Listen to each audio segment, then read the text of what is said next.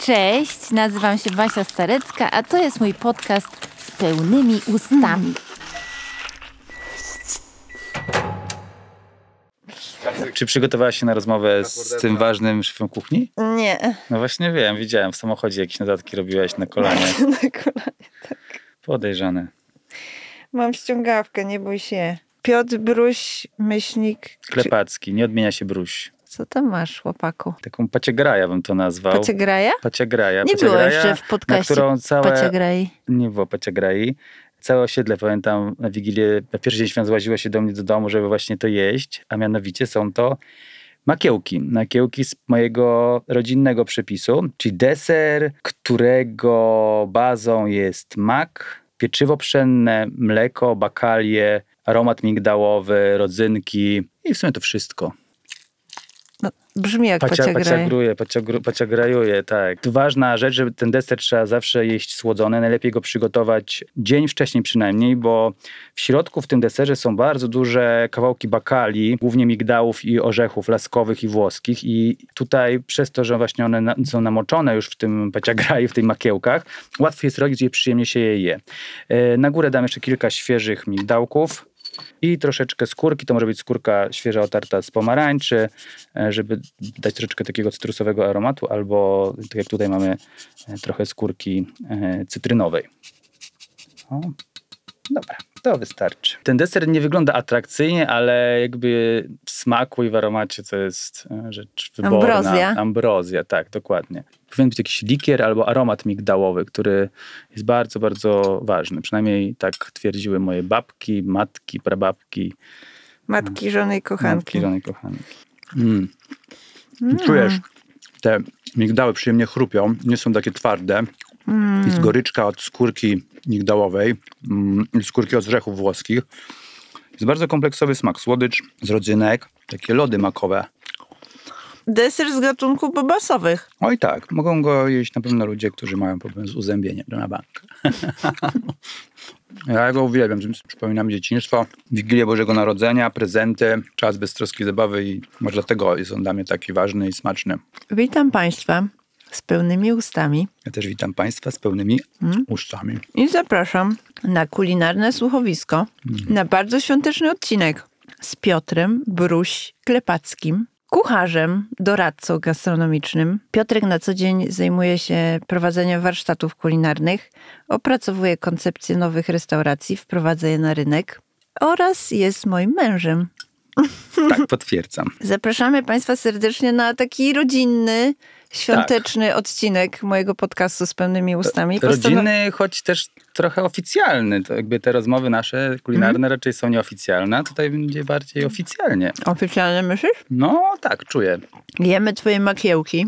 Powiedz, skąd ta potrawa się wzięła na twoim wigilijnym stole? Czy znasz jej historię? Nie jest ona jakoś bardzo, bardzo daleka, bo sięga mojej prababci, która pochodziła z Kresu. Po prostu mój, mój dziadek pracował przy budowie kolei, tam poznał swoją żonę na Kresach. Potem wrócili do Warszawy i moja prababka przygotowywała na święta e, makiełki. Te makiełki zawsze smakowały tak samo. Nieważne, czy moja babcia je robiła, Hmm. czy moja mama je robiła, czy nawet jak ja je zrobiłem. Ale macie ten przepis gdzieś zanotowany? Czy E, każdy wie i zna proporcje i z zamkniętymi oczami o każdej porze dnia i nocy jest w stanie przygotować makiełki w rodzinie bruś klepackich? w tych już czasach współczesnych nie ma większego problemu z proporcjami. Może po prostu deser wyjść tylko albo troszeczkę za słodki, co akurat nie jest wielką wadą, e, lub troszkę za bardzo wodnisty, na przykład jak się doda za dużo mleka. On może mieć tylko konsystencję, mówię, troszeczkę za bardzo luźną, albo może być delikatnie za słodki. E, Wyobrażam sobie, że ten przepis jednak zmieniał się w czasie, bo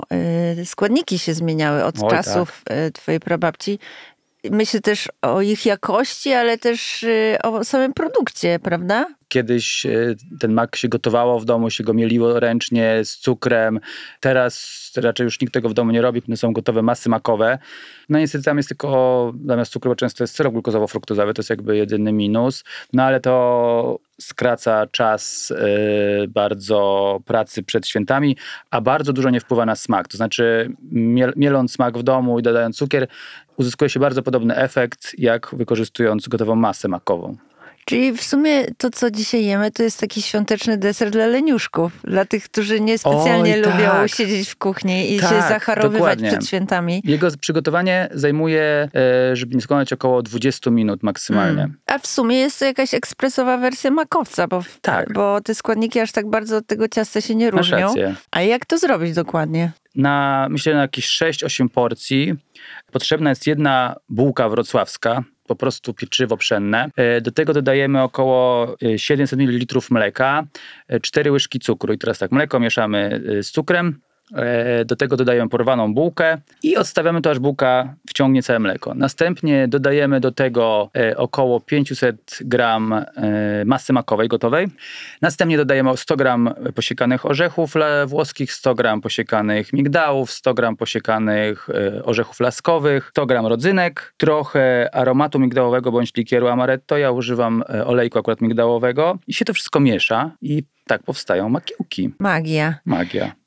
Tak sobie myślę o różnych potrawach świątecznych, regionalnych w Polsce, bo trochę te nasze stoły różnią się od siebie. Już pomijam współczesność, to co się wydarza, bo niektórzy y, lubią jadać sushi czy łososia na święta. Ale na tym polega też magia świąt, że każdy się rządzi we własnym domku i uważam, że to jest okej. Natomiast jakaś forma takiej słodkiej brei jest czymś wspólnym dla tych świątecznych stołów. Ona się może różnić właśnie nazewnictwem, ale gdzieś o Tak, taką dokładnie. paciagraję chodzi. Jeśli chodzi o nazewnictwo, to, to prawdopodobnie masz na myśli kutię, Mm. która jest kojarzona właśnie z ziarnami pszenicy e, z makiem. Czasami jest to pęczak e, z makiem. No właśnie makiełki, które są raczej właśnie e, bułką z makiem, no jeszcze jest czasami makaron. Kluski z No makiem Tak, łazanki, bądź jakieś Mm. innego rodzaju. Właśnie to jest ciekawa historia, bo jest to danie, które jest bardzo popularne i było bardzo popularne tutaj w naszym regionie od bardzo dawna. I to jest tereny Polski, tereny były kresowe, czyli Litwa, Łotwa, Białoruś, em, Ukraina. Ukraina, Rosja też. I można mieć na początku takie wrażenie, że to są jakieś wpływy powiedzmy tureckie, bo tam są bakalie, nie wiem, jakieś aromaty właśnie migdałowe.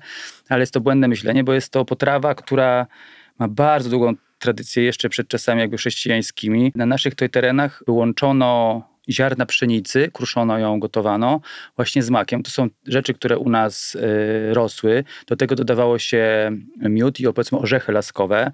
Co ciekawe, taka potrawa była spożywana właśnie w dniu dzisiejszym, czyli podczas y, przesilenia zimowego.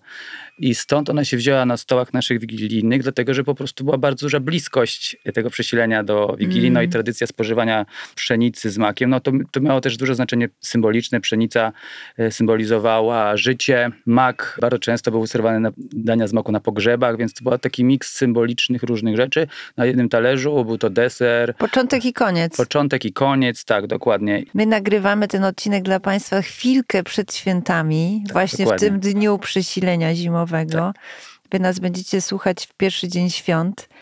Ale przy okazji tych makiełek chciałam Cię, Piotrek, podpytać. Czy ty je jadasz w domu rodzinnym, czy je przygotowujesz? W jaką rolę się wcielasz? Czy jesteś dalej kucharzem? Czy Nie. jesteś, e, jesteś małym Piotrusiem, który dosiada się do rodzinnego stołu? To jest dobre pytanie, ale to wszystko się wiąże z moją pasją do gotowania, która dosyć wcześnie się pojawiła w moim życiu. W pewnym momencie, jako nastolatek, jakby przejąłem obowiązki podczas Wigilii, obowiązki kuchenne po mojej babci, po mojej całej rodzinie i to ja zawsze stoję podczas Wigilii na wydawcę i wszystkie potrawy przygotowuję, czyli smażę pierogi, smażę y, grzyby w cieście, wydaję grzybową, barszczę, ale ja tych potraw nie przygotowuję. To znaczy cały proces lepienia pierogów, przygotowania barszcz, przygotowania karpia w galarecie, to przygotowuje moja rodzina, przykładzie moja siostra, moja mama, wcześniej jak moja babcia była to moja babcia. Ja tylko w dniu Wigilii to wszystko operuję, jakby kuchnią zarządzam, smażę, wydaję.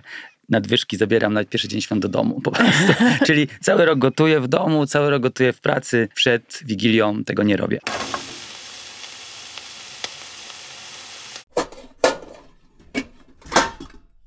Teraz mi w ogóle przyszło do głowy, że prawdopodobnie bierze się to z mojej potrzeby kontroli. Hmm. To znaczy, ja parowałem kiedyś do tej kuchni mojej babci, czy to mojej mamy, bo to czasami mojej babci, bo czasami moje, u moich rodziców, bo wiedziałem, że ja usmażę pierogi tak, jak chcę, żeby one były usmażone, czyli muszą być brązowe, muszą być chrupiące, a nie na przykład jak moja babcia, która tylko lekko je tam podsmażała i one ani nie były chrupiące, ani nie były rumiane. E, I to się bierze po prostu z potrzeby kontroli, nie z potrzeby pomocy mojej rodzinie. Ale też z perfekcjonizmu Tak, twojego, bo tak, ty tak. lubisz dopracować wszystko w najdrobniejszych szczegółach i Tak. lubisz przygotować potrawy w zgodzie ze sztuką. Tak, mam wielką potrzebę. Pierogi chyba są najlepszym przykładem, że jak jest pieróg, no to on musi być smażony na sporej ilości tłuszczu. On musi być pięknie rumiany, musi być bardzo chrupiący z jednej, z drugiej strony. No nie, trzeba zadbać o każdego pieroga, żeby on miał odpowiedni kolor. No tak, tak. Co? Ja bardzo dbam o takie rzeczy. Mm, uważam, że to jest bardzo ważne w kuchni. To też wpływa na smak i wiem, że jak się o to zadba, to po prostu się potem dobrze zje. Pamiętam, że kiedy się poznaliśmy, czyli No. prawie 15 lat temu, To trochę już było czasu temu. Już wtedy to twoje zacięcie do mm, gotowania robiło na mnie wrażenie. Imponowałeś mi swoimi zdolnościami i talentem. Natomiast myśmy wtedy byli w zupełnie innym miejscu. Oj, Przebyliśmy tak, jakoś bardzo długą drogę, na pewno zawodowo, od tamtego momentu. Oboje wtedy pracowaliśmy w marketingu. Co takiego się stało, że zdecydowałeś się e, zmienić swoją ścieżkę zawodową i mm, zamknąć się w kuchni? Jest takie powiedzenie, że nie ma tego złego, co by na dobre nie wyszło i tak było w moim przypadku. Zwolniono mnie z pracy. Pojawiły się jakieś kryzysy ekonomiczne w Polsce. Był problem w ogóle ze znalezieniem dobrze płatnej pracy. I ja wiedziałem, że nie chcę wracać ponownie do tego samego, co robiłem wcześniej i przez długi czas nie wiedziałem, co mam ze sobą zrobić. Ale przed taki moment zastanowienia, co mi tak naprawdę sprawia w życiu przyjemność, mogłem tylko odpowiedzieć na to pytanie w jeden sposób, że gotowanie sprawia mi przyjemność. To była jedyna rzecz, która dawała mi satysfakcję. Wszystko, co było z tym związane, mnie interesowało, pasjonowało podjąłem ryzyko, podjąłem decyzję, że chcę wszystko zacząć od zera, czyli kończone studia, mój staż w pracy, jakby musiałem to wszystko przekreślić i zacząłem pracę od pomocy kuchennej. Bardzo szybko się zaangażowałem w tą pracę, bardzo szybko nabrałem umiejętności pracy po prostu na profesjonalnej kuchni. No i ta moja jakby ścieżka zawodowa i kariera bardzo szybko się potem rozwijała. No i ja ci w tym towarzyszyłam i zjadałam wszystko to, co się naumiałeś Tak, w tych dokładnie. różnych No, restauracjach. wspierałaś też mnie w tych ciężkich czasach, bo jest to praca bardzo ciężka w gastronomii, zresztą po 17 godzin dziennie, w weekendy, więc też było wsparcie z twojej strony, pamiętam. Wspominam właśnie ten czas twojej intensywnej pracy w gastronomii z takim poczuciem, że właściwie ciebie nie było w domu, bo to jest właśnie taki no, szalenie obciążający życie prywatne jednak zawód. Tak, tak. Niewdzięczny dosyć, kiepsko płatny.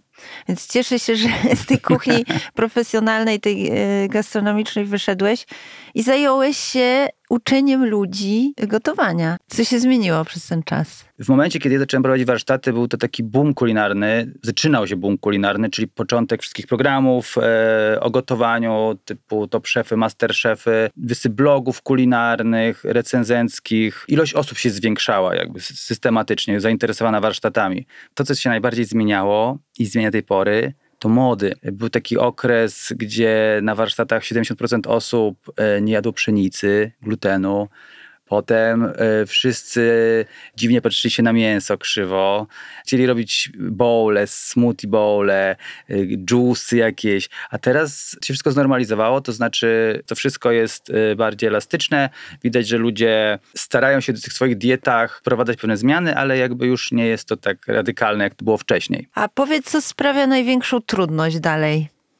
Krojenie, te wszystkie techniki posługiwania się nożem. Jest to, widzę, czasami tajemna, ludzie się boją używać tego noża. A z czego to wynika, jak myślisz? z praktyki po prostu. No, kucharze muszą optymalizować pracę, to znaczy, żeby pracować szybko, bezpiecznie, więc muszą się nauczyć szybko kroić, bo praca wymaga szybkości. E, W domu tej szybkości nie musimy takiej posiadać i też o wiele rzadziej gotujemy niż kucharze profesjonalni. Profesjonalny kucharz prawdopodobnie w ciągu tygodnia sieka tyle cebuli, co normalny człowiek nie pracujący w gastronomii przez e, 10 lat. E, Druga sprawa, która sprawia kursantom problemy, to jest operowanie temperaturą podczas pieczenia i smażenia. Z tego co widzę, uczestnicy warsztatu nie potrafią dobrać temperatury. To albo im się coś przypala, albo coś im się gotuje zamiast się smażyć, e, albo wkładają za dużo składników na tłuszcz, on się wtedy studzi, tak samo zaczynają się dusić zamiast smażyć, albo cały czas mieszają, gdzie też zaczyna wszystko gotować, a nie smażyć, albo jak smażą, to, to się wszystko zaczyna przypalać, a w środku jest surowe. To operowanie tą temperaturą to jest chyba naj, największy problem, jakby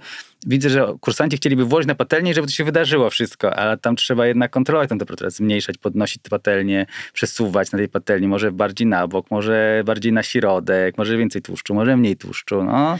Czyli Coś nie da, się, uważnym. nie da się właśnie, to chciałam powiedzieć, nie da się gotować bezmyślnie. Nie, trzeba być uważny non-stop. Trzeba być uważnym i trzeba, trzeba myśleć w trakcie tego gotowania. To jest największe wyzwanie, bo wydaje się, że gotowanie to jest właśnie, mogłaby być tylko przyjemność, podczas której sobie medytujemy i No, bujamy w obłokach, było a tymczasem to jest jednak jakaś praca. Ale oczywiście są takie dania, na przykład zapiekane w jakiś żeliwny garnek, gdzie po prostu wrzucamy wszystko do żeliwnego garnka, przykrywamy to przykrywką, wstawiamy na trzy godziny do pieca i możemy wtedy sobie obejrzeć trzy odcinki serialu, niczym się nie przejmować i po trzech godzinach wciągamy najpiękniejsze, najsmaczniejsze danie. To nie takie... No właśnie, ten piekarnik to jest e, chyba jakieś rozwiązanie dla osób, które nie chcą za bardzo się angażować intelektualnie w gotowanie. No a tak, tylko że z piekarnikiem jest taki jeden, no, że przeważnie to musi być duża porcja. Tak. Jakby, że to już trzeba... To już raz na tydzień robisz po No prostu. tak, ale ja tak gotuję w domu. Jak jestem e, przy tym samemu, to bardzo często po prostu przygotowuję sobie danie na 5 dni, jem je trzy razy dziennie przez 5 dni.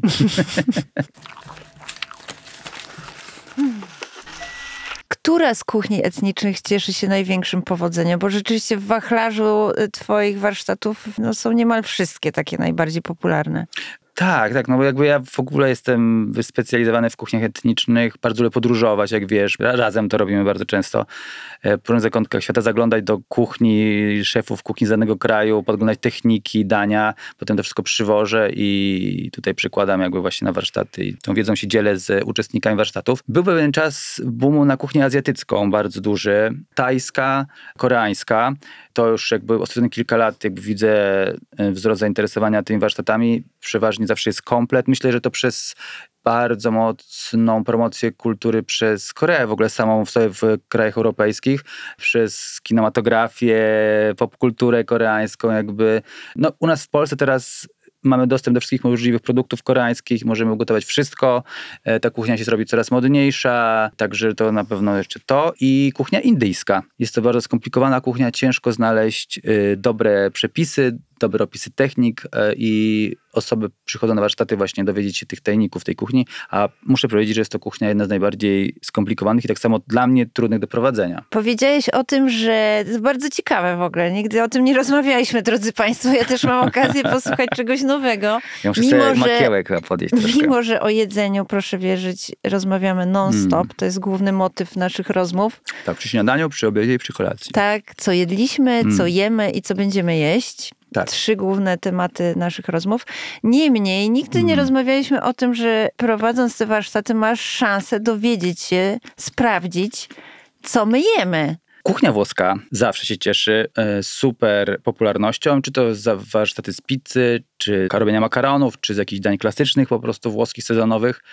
Ale już kuchnia hiszpańska jest jakby nie do sprzedania warsztatowo. To znaczy nikt się nią nie interesuje, nikt nie chce na nią przychodzić i nigdy nie wiem dlaczego. To jest dobre pytanie Ale i ciekawe, bo. Hiszpania jest popularnym kierunkiem podróży. Jest, jest popularnym kierunkiem podróży. Że wydaje się zbyt kulina- skomplikowana. mnie zawsze zastanawiało. No ja się pasjonuję ostatnio właśnie kuchnią hiszpańską. Minęła mi po dekadzie fascynacja kuchnią włoską. Zeksplorowałem ten kraj, regiony, produkty. Nie wszystko wiem, ale wydaje mi się, że dużo się jakby w czasie tej dekady dowiedziałem na temat e, kuchni włoskiej, zwłaszcza, że miałem okazję przez bardzo długi czas pracować z Włochami w restauracjach, z profesjonalnymi szefami kuchni, więc e, od nich też tą wiedzę czerpałem. No teraz mam etap fascynacji kuchnią hiszpańską. Zaczynam powolutku ją rozumieć i rozsmakowywać się w niej. I dlatego też teraz nie potrafię odpowiedzieć na pytanie, dlaczego od strony kursantów nie ma fascynacji tą. No może czekają, aż zaproponujesz swoje menu i Może. pojawią się wtedy zainteresowane tym menu osoby.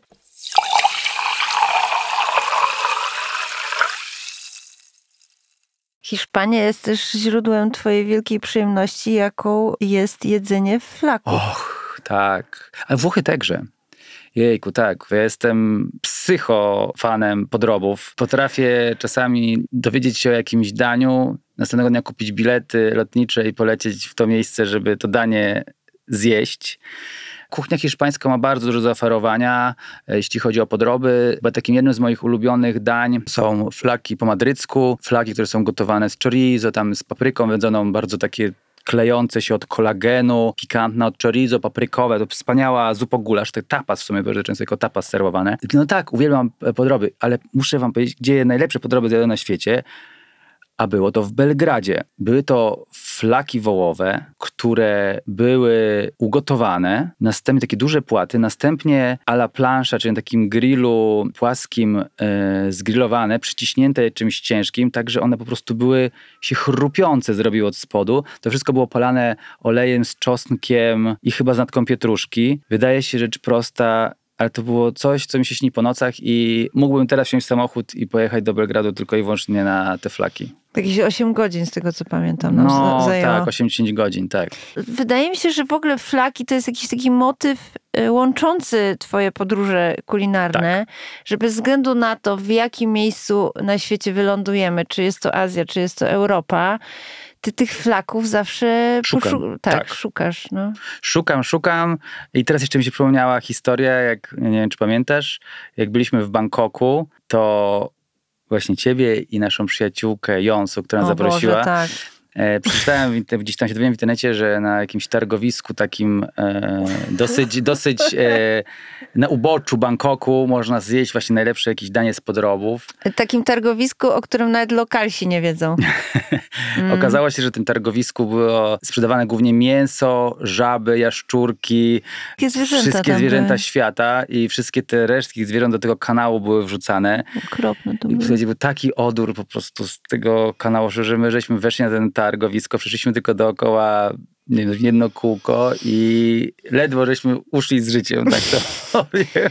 Niczego tam nie zjadłeś Oczywiście też. niczego tam nie dało, tam się nie dało wytrzymać, tak. Ja na pewno tego nie zapomnę. To było dosyć graniczne przeżycie. I sporo takich niewygodnych, wyprowadzających z komfortu przeżyć, żeśmy sobie nieraz fundowali. Czasami nasze podróże kulinarne w tym samym czasie są w różnych kierunkach, bo bywa tak, że podróżujemy oddzielnie, solo. Tak. Pamiętam jedną z takich ostatnich wypraw. Ja byłam wtedy w Hiszpanii, ty byłeś wtedy w Stambule. Tak. Byłam tak zajęta jedzeniem e, swoich ziemniaków e, hiszpańskich, że e, nie byłam na bieżąco z tym, co ty jesz w, w tym czasie, ale dały mi znać moje koleżanki, że siejesz spustoszenie wśród zwierząt w Stambule i wręcz dostałam jakieś takie alarmujące wiadomości od, od naszych wspólnych znajomych, że e, chyba muszę już wracać i ściągać Piotrka z Turcji, ponieważ on e, zaraz zje tam wszystkie jagnięta.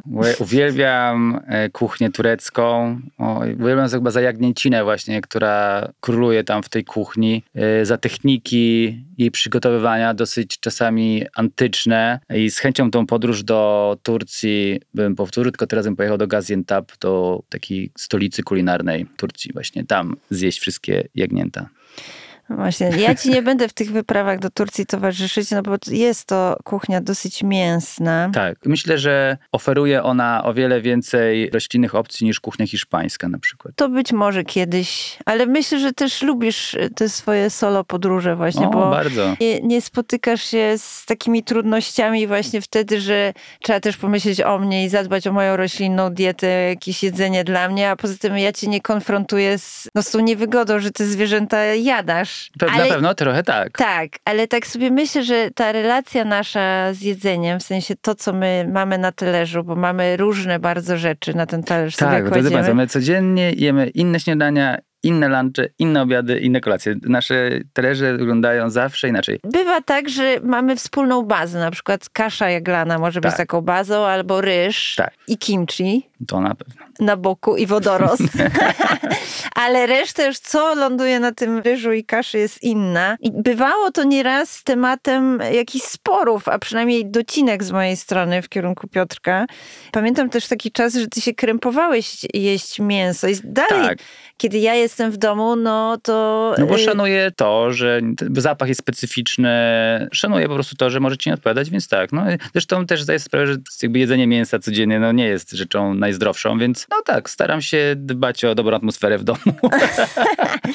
Ale bywało też tak, że Piotrek się powstrzymywał przed jedzeniem mięsa także w ogóle go nie jadł po prostu, kiedy ja byłam obecna w domu. I dopiero kiedy oddalałam się w jakąś podróż kulinarną, no to te zwierzęta pojawiały się w lodówce. Byłam w stanie poznać po zapachu domu, co, co Tak. jadłeś. Pamiętam, że ilekroć wracałam właśnie z różnych tego typu wypraw, po tym zapachu byłam w stanie rozpoznać, co ty jadłeś. Nie był to wcale zapach mięsa, tylko był to zapach kadzideł, ponieważ Piotrek, szykując się na mój powrót, dokładnie sprzątał mieszkanie i palił jakieś po prostu y, niezliczonej ilości kadzideł, żeby zagłuszyć ten zapach, który mógł gdzieś tam jeszcze zostać w tak, był zasłonach czy poduszkach. tak, i to był przeważnie zapach pieczonego kurczaka, który mógł być ostatnim moim posiłkiem. Na następnej wieczerzy właśnie możesz mi zaserwować pieczonego kurczaka. No to ja go zamówię, co? Bo ja go sama Nie, nie, nie, nie, to musi taki z piekarnika tylko z solą, z krupiącą skórką. Nie wiem, czy będę w stanie to zrobić. No, chyba, że dla ciebie na to wyjątkową okoliczność. W jakie kierunki my najbardziej lubimy podróżować? Może jeszcze o tym byśmy powiedzieli. Na pewno Azja. Ty możesz tam realizować swoje fantazje i ja również roślinne. Myśmy oprócz pielgrzymek do różnych dziwnych miejsc typu ten targ wspomniany przez ciebie, y, bywaliśmy w restauracjach typu temple food, czyli z jedzeniem e, takim e, w restrykcji buddyjskiej. Tak, czyli totalnie wegańskim. Tak. I tam żeśmy jadali substytuty na przykład mięsne, rzeczy, które udawały Gęsi, kaczki, kurczaka. Tak. kurczaki. I ja bym chętnie do Azji wróciła i odbyła jeszcze taką podróż na przykład do Malezji, którą mam Och, wrażenie, że jejku, dopiero tak. spróbowaliśmy jej troszkę, ale nie zeksplorowaliśmy do końca. Tak, i w ogóle zastanawia mnie, dlaczego kuchnia malezyjska jeszcze nie zdobyła takich popularności, jak kuchnia tajska czy kuchnia wietnamska. No tak, jest to kuchnia, która łączy w sobie elementy kuchni chińskiej tradycyjnej, indyjskiej i malajskiej.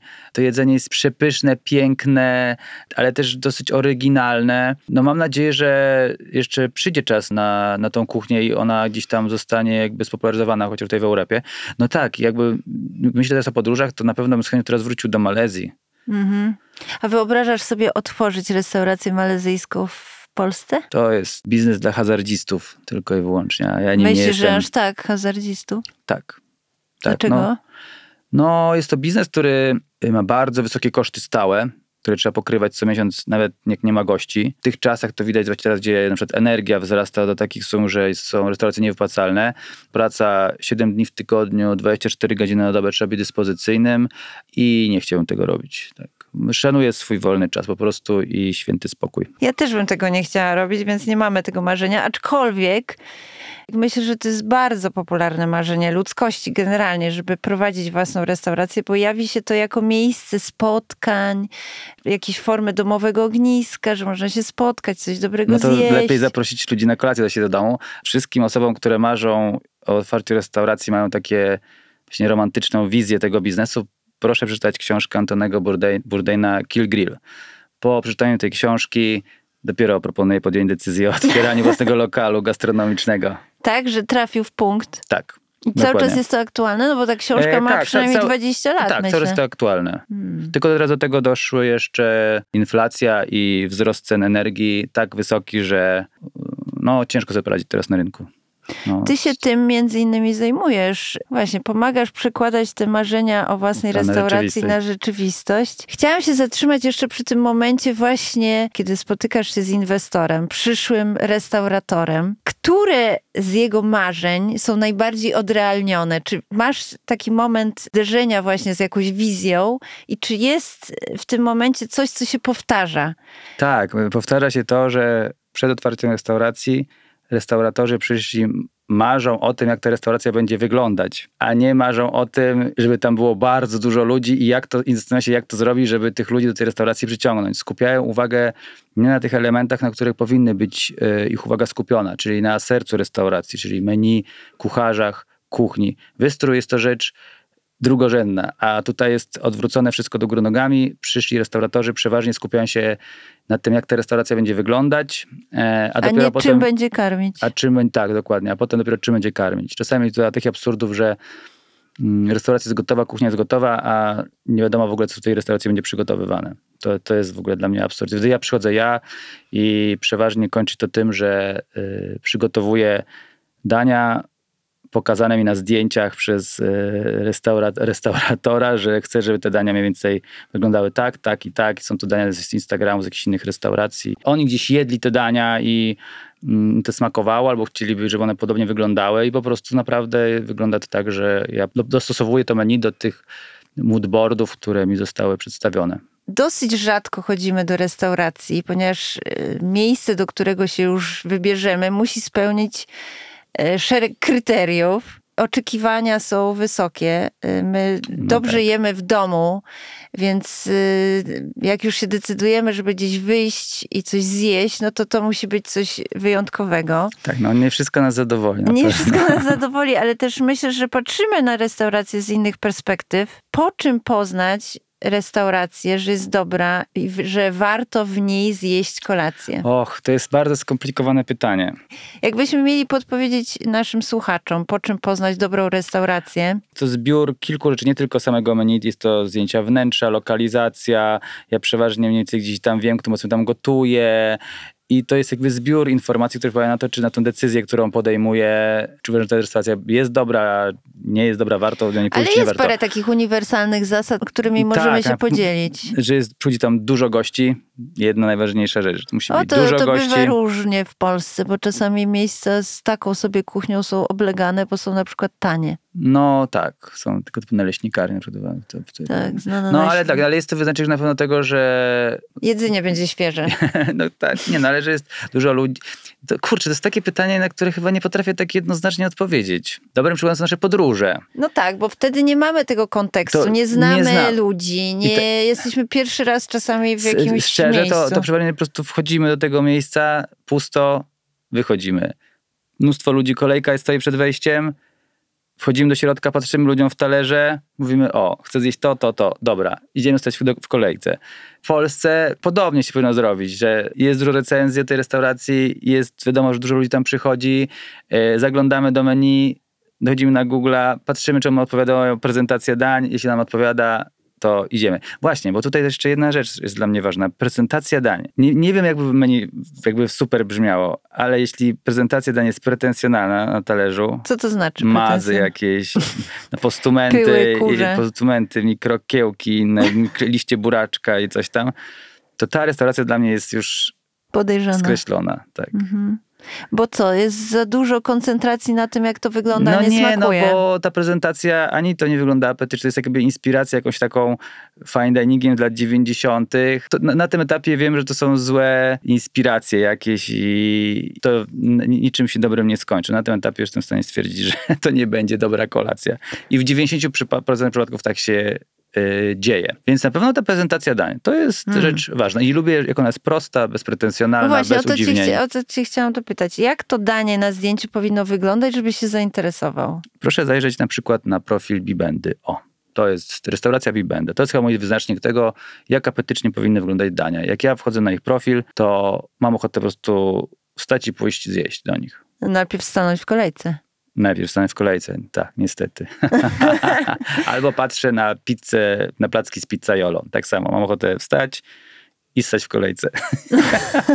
Tylko najpierw coś zjeść przed wejściem do restauracji. I to jest jedna z głównych zasad, y, też warto zapamiętania. A wróćmy na moment jeszcze do domowej kuchni. Zastanawiam się, czy są jeszcze jakieś potrawy, których chciałbyś się nauczyć? Czy jest jeszcze coś takiego Och, na liście na marzeń do dopracowania? E, Tak, na pewno. No, pandemia spowodowała, że nauczyłem się piec chleby na zakwasie. To był czas intensywnego pieczenia w ogóle, nie tylko chlebów, w ogóle pracy z drożdżami, bo były to długo fermentowane ciasta na pizzę, ciasta drożdżowe, no, różnego rodzaju wypieki. Chciałem pójść na praktyki do pizzerii i zostać pizzajolo. O, masz ci los. Naprawdę, To- chciałem się nauczyć kręcić placki. Serio. To jest moje marzenie na przyszły rok. Mm. W poprzednim odcinku był Piotrek Roszkowski. Myślę, że możesz z nim zagadać. Już z nim gadałem. A to o tym nie wiedziałam. Drodzy Państwo, serdecznie dziękujemy za to świąteczne spotkanie. Ja też Państwu dziękuję bardzo. Życie jest za krótkie na złe jedzenie i warto je przeżyć z pełnymi ustami. Do usłyszenia w kolejną Do niedzielę. usłyszenia.